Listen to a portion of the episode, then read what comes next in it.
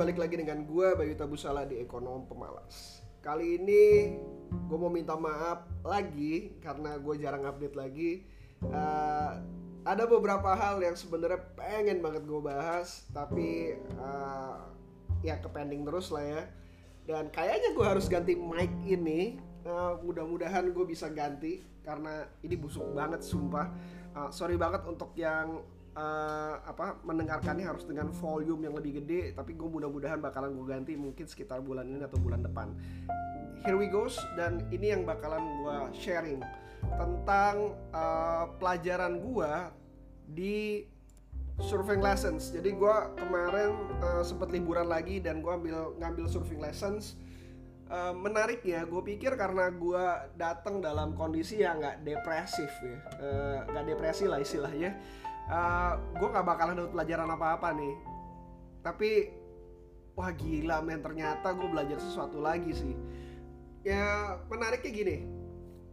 Uh, satu ketika gue melakukan uh, surfing di mana gue udah tahu cara-cara untuk melakukan surfing gue pikir bakalan jauh lebih mudah. Ternyata enggak juga karena ada beberapa hal yang sebenarnya memang harus dilakukan berulang-ulang sehingga lu punya memory muscle sih, sih. Uh, intinya seperti itu jadi kalau misalkan lu pengen belajar sesuatu yang lu harus lakukan ya diulang-ulang aja sampai akhirnya menjadi sebuah kebiasaan dari lu sendiri gitu. Nah, uh, kebiasaan tersebutlah yang akan menyelamatkan lu ketika dalam kondisi yang sebenarnya eh, nggak uh, begitu baik karena itu sudah jadi memori masalnya lu dan lu sebenarnya pengen da, har, kayak semacam harus untuk melakukan hal tersebut gitu uh, secara otomatis dari itu yang akan menyelamatkan lu ketika dalam kondisi-kondisi yang benar-benar buruk Oke, okay, uh, eh, ini pelajarannya. Pertama adalah there is always another wave. Jadi ketika gue lagi surfing, uh, gue menariknya itu adalah gue bener-bener uh, disuruh milih ombak mana yang akan harus gue laluin. Jadi gak semua ombak lo harus laluin sama sekali. Dan waktu pas itu awal-awal pelatih gue, coach gue, coach surfing gue mengatakan bahwa kita akan ambil ombak paling rendah dan ombak paling rendah ini sebenarnya uh, sudah cukup uh, nyaman lah untuk surfing di awal-awal. Lalu berikutnya dia terus menambahkan ke ombak yang lebih tinggi lagi. Sebenarnya dia mau bilang bahwa uh, kalau lo surfing lo sesuaikanlah dengan kemampuan lo sendiri. Kalau misalnya kemampuan lo masih di ombak yang rendah, cobalah untuk main di ombak yang rendah. Nggak perlu main di ombak yang terlalu tinggi. Kalau misalkan lo nggak bisa main di ombak yang terlalu tinggi, ya balik lagi mainlah di ombak yang rendah tadi aja gitu dan kalau misalkan lu nggak dapat lu nggak perlu maksain lu harus berdiri harus ngejar ombaknya dan segala macam ya udah gitu aja lu bisa dengan tenangnya lu untuk melakukan surfing di atas ombak tersebut uh, apa dengan cara tiduran gitu lu nggak butuh lah, harus untuk berdiri nggak apa-apa ya sudahlah lu cuma ke bawah sedikit arus lu balik lagi lu cari lagi ombak yang berikutnya. Kenapa? Karena memang gak harus untuk mengambil ombak tersebut. Kalau misalkan satu lu gak siap, kedua ombaknya menurut lu, menurut lu dia gak bagus. Kalau misalkan uh, teknik lu salah, lu gak siap, lu uh, menurut ombak lu gak bagus, ya ngapain lu harus ambil? Akan ada selalu kesempatan berikutnya. Yang kedua, yang menariknya adalah karena ombak itu bakalan selalu ada, jadi bisa gue bilang kesempatan itu tuh gratis kesempatan itu datang berulang kali dan itu gratis yang jadi masalah adalah energi untuk menerjang uh, ombak tersebut itu enggak dalam dua jam gue mengapung itu gue sebenarnya punya energi yang uh, gue bilang jauh lebih baik dibanding gue surfing di, awal-awal. Tapi tetap aja gue bakalan kena hantem sama ombak-ombak tersebut dan akhirnya benar-benar kecapean. Kebetulan uh, sorry uh, gua gak hanya sendirian kali ini gue sama tiga orang sama dua orang lainnya jadi gue tiga orang. Dan ketika gue dilewatin kesempatannya gue ngerasa bahwa oh ya udahlah nggak apa-apa gue harus uh, preserve my energy karena beneran gue udah terjang ombak berulang kali. Nah yang jadi uh, pelajarannya apa? Bahwa ya pilih-pilihlah kesempatannya. Pilih-pilih kesempatan yang lu menurut lu itu bakalan bisa lu dapetin opportunity-nya lu bisa eksekusi dengan baik dan lu bisa enjoy di dalamnya kalau lu nggak dapetin itu semua buat apa lu ngambil semua opportunity yang ada gitu? Yang cuma sekedar ah duitnya enak nih tapi gue nggak suka apa yang gue kerjain. Tenang aja kembali lagi di awal there is always another wave. Nah masuk yang ketiga you cannot control the wave but you can control yourself. Kembali lagi uh, ini sebenarnya satu sebuah kesatuan bahwa ketika lu mengambil opportunity yang bisa lu lakukan adalah melihat dari opportunity tersebut. Apakah sesuai? Kalaupun nggak sesuai apakah lu bisa untuk uh, apa ya mengomunikasikan dengan diri lu bahwa oh yaudah nggak apa-apa deh gue mau uh, apa gue mau ngambil deh gue mau ngambil karena gue yakin dengan opportunity ini gue bisa jatuh lebih baik lagi. Nah uh, artinya sebenarnya wave itu tuh yang datang walaupun opportunity itu gratis nggak semuanya bagus juga buat lu. Nggak uh, semuanya itu uh, sesuai dengan keinginan lo bukan bagus tapi nggak sesuai dengan keinginan lo pasti akan ada aja kurang-kurangnya dan segala macam. Tapi yang bisa lo lakukan adalah lo bisa kontrol diri lo dengan cara apa? Tadi seperti yang gue ucapkan di awal lo harus building muscle memory. Cara-cara yang benar proses yang benar sehingga ketika wave itu datang baik uh, kurang sedikit ataupun lebih sedikit lo bisa mengambil wave ataupun kesempatan-kesempatan tersebut nah control yourself itu jauh lebih penting dibanding opportunity itu sendiri. Nah, uh, berikutnya lagi adalah ketika dalam uh, along the way ketika gue melakukan surfing itu ada dua pembelajar baru, ada satu orang yang benar-benar baru pertama kali surfing dan itu orangnya bule dan uh, uh, tinggi dan tenaganya lebih gede dibanding gua. Uh, yang menarik adalah waktu pas gue bilang di awal-awal bahwa gue ngerasa bahwa diri gue adalah the the chosen the chosen one bahwa gue bisa bakalan bisa surfing dengan cepat. Uh, ternyata enggak. Ternyata when you are thought you are in the top, the world reality hit you hard. Jadi kayak ketika lo merasa diri lo tuh uh, di awal-awal udah tinggi dan segala macam, bakalan ada anak baru kemarin sore yang mungkin pengalamannya setahun dua tahun itu bakalan lebih tinggi dibanding lu karena mereka punya privilege yang gak lu nggak punya sama sekali gitu. Ya gue nggak bisa bilang privilege itu tentang uh, duit fisik atau dan segala macam tapi bisa gue bilang privilege itu ada banyak. Genetikal uh, dalam hal ini atau dia punya keseimbangan yang lebih baik dia pernah melakukan apa dia senang olahraga lebih baik dibanding lu. Uh, yang intinya adalah uh, dia bisa start lebih awal dibanding lu. Tapi do not worry about that. Yang lu harus lakukan adalah ketika lu enjoy dengan apa yang lu lakuin adalah bagaimana cara menutup gap antara lu dan goals lu dengan apa pun yang lu milikin sekarang. Privilege itu menurut gue adalah apa pun yang lu miliki sekarang. Kalau lu bisa tutup gap tersebut dan lu enjoy dengan prosesnya, gue rasa lu bakalan bisa mendapatkan apa yang lo inginkan. Nah, uh, berikutnya lagi adalah ini satu dua tiga. Yang kelima adalah baca bukunya Kahneman uh, Thinking Fast and Slow. Kalau lo mau belajar sesuatu, pergunakan namanya sistem 2. Sistem 2 itu adalah apa pun yang lo menggunakan akal pikiran ataupun menggunakan yang namanya uh, uh, apa sih namanya? Bukan menggunakan muscle memory lah lu wajib mengulang hal tersebut secara sadar sampai akhirnya kemampuan untuk mengulang tersebut masuk ke sistem satu lu di mana itu adalah thinking fast. Itu adalah muscle memory lu.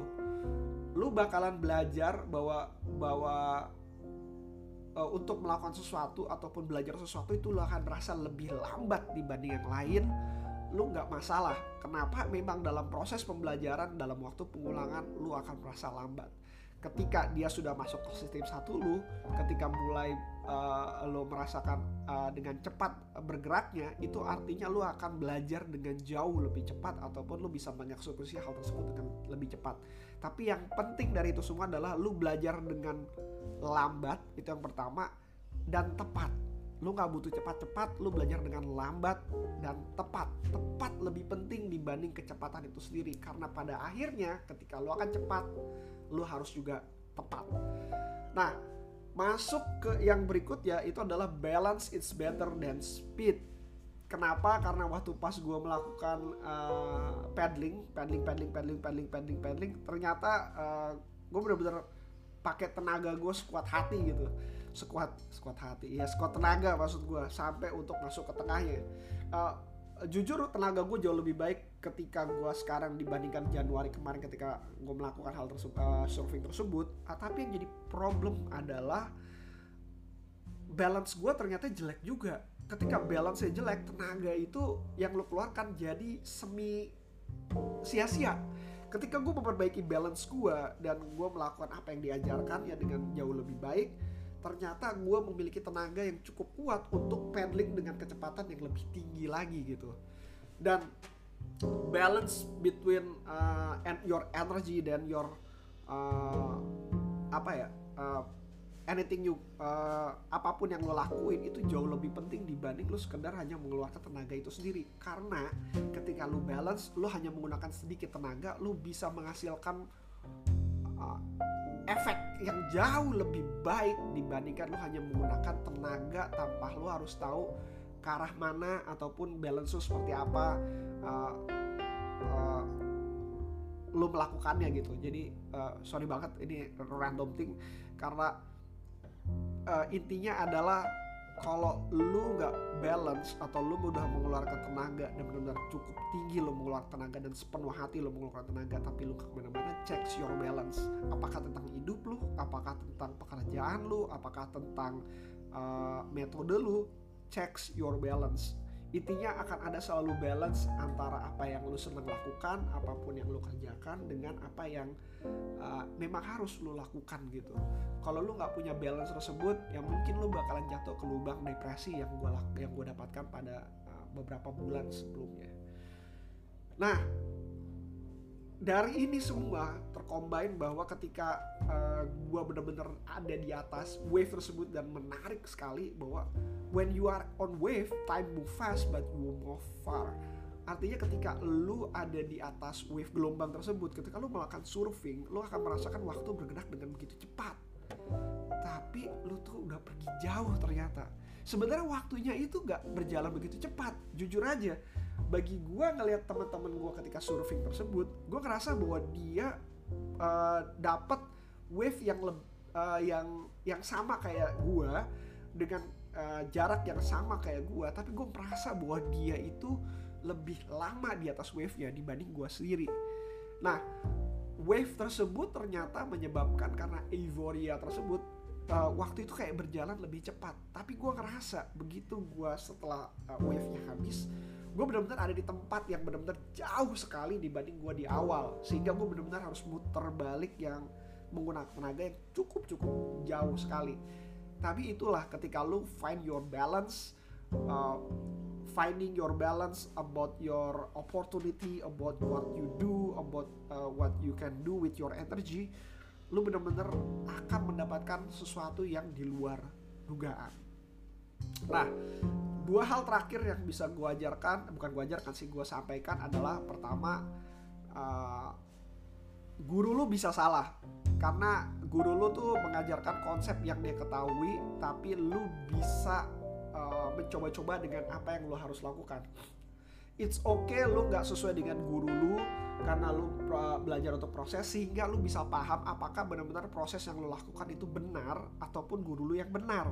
Kalau proses yang lu temukan ternyata jauh lebih baik untuk lu, it's okay lu jawab pakai aja. Tapi kebanyakan tentu saja guru kita akan jauh lebih benar dibanding kita karena dia telah mengalaminya. Tapi it's okay karena lu akan building your own convictions kenapa guru lu benar, bukan sekedar blind faith aja gitu. Jadi kayak lu mengikuti membebek doang gitu.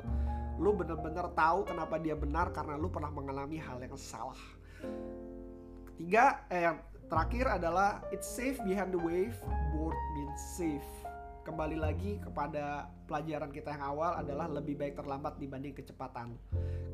Gak masalah lu ketinggalan wave ataupun lu berada di wave-nya karena berada di belakang wave dari opportunity itu jauh lebih aman dibanding ketika berada di depan. Tapi ya imbasnya lu sedikit boring atau lu kehilangan sedikit opportunity. Tapi it's better dibanding lu di depan dan lu kegulung dari ombak tersebut. In the end, ini mengenai masalah profesionalitas lu.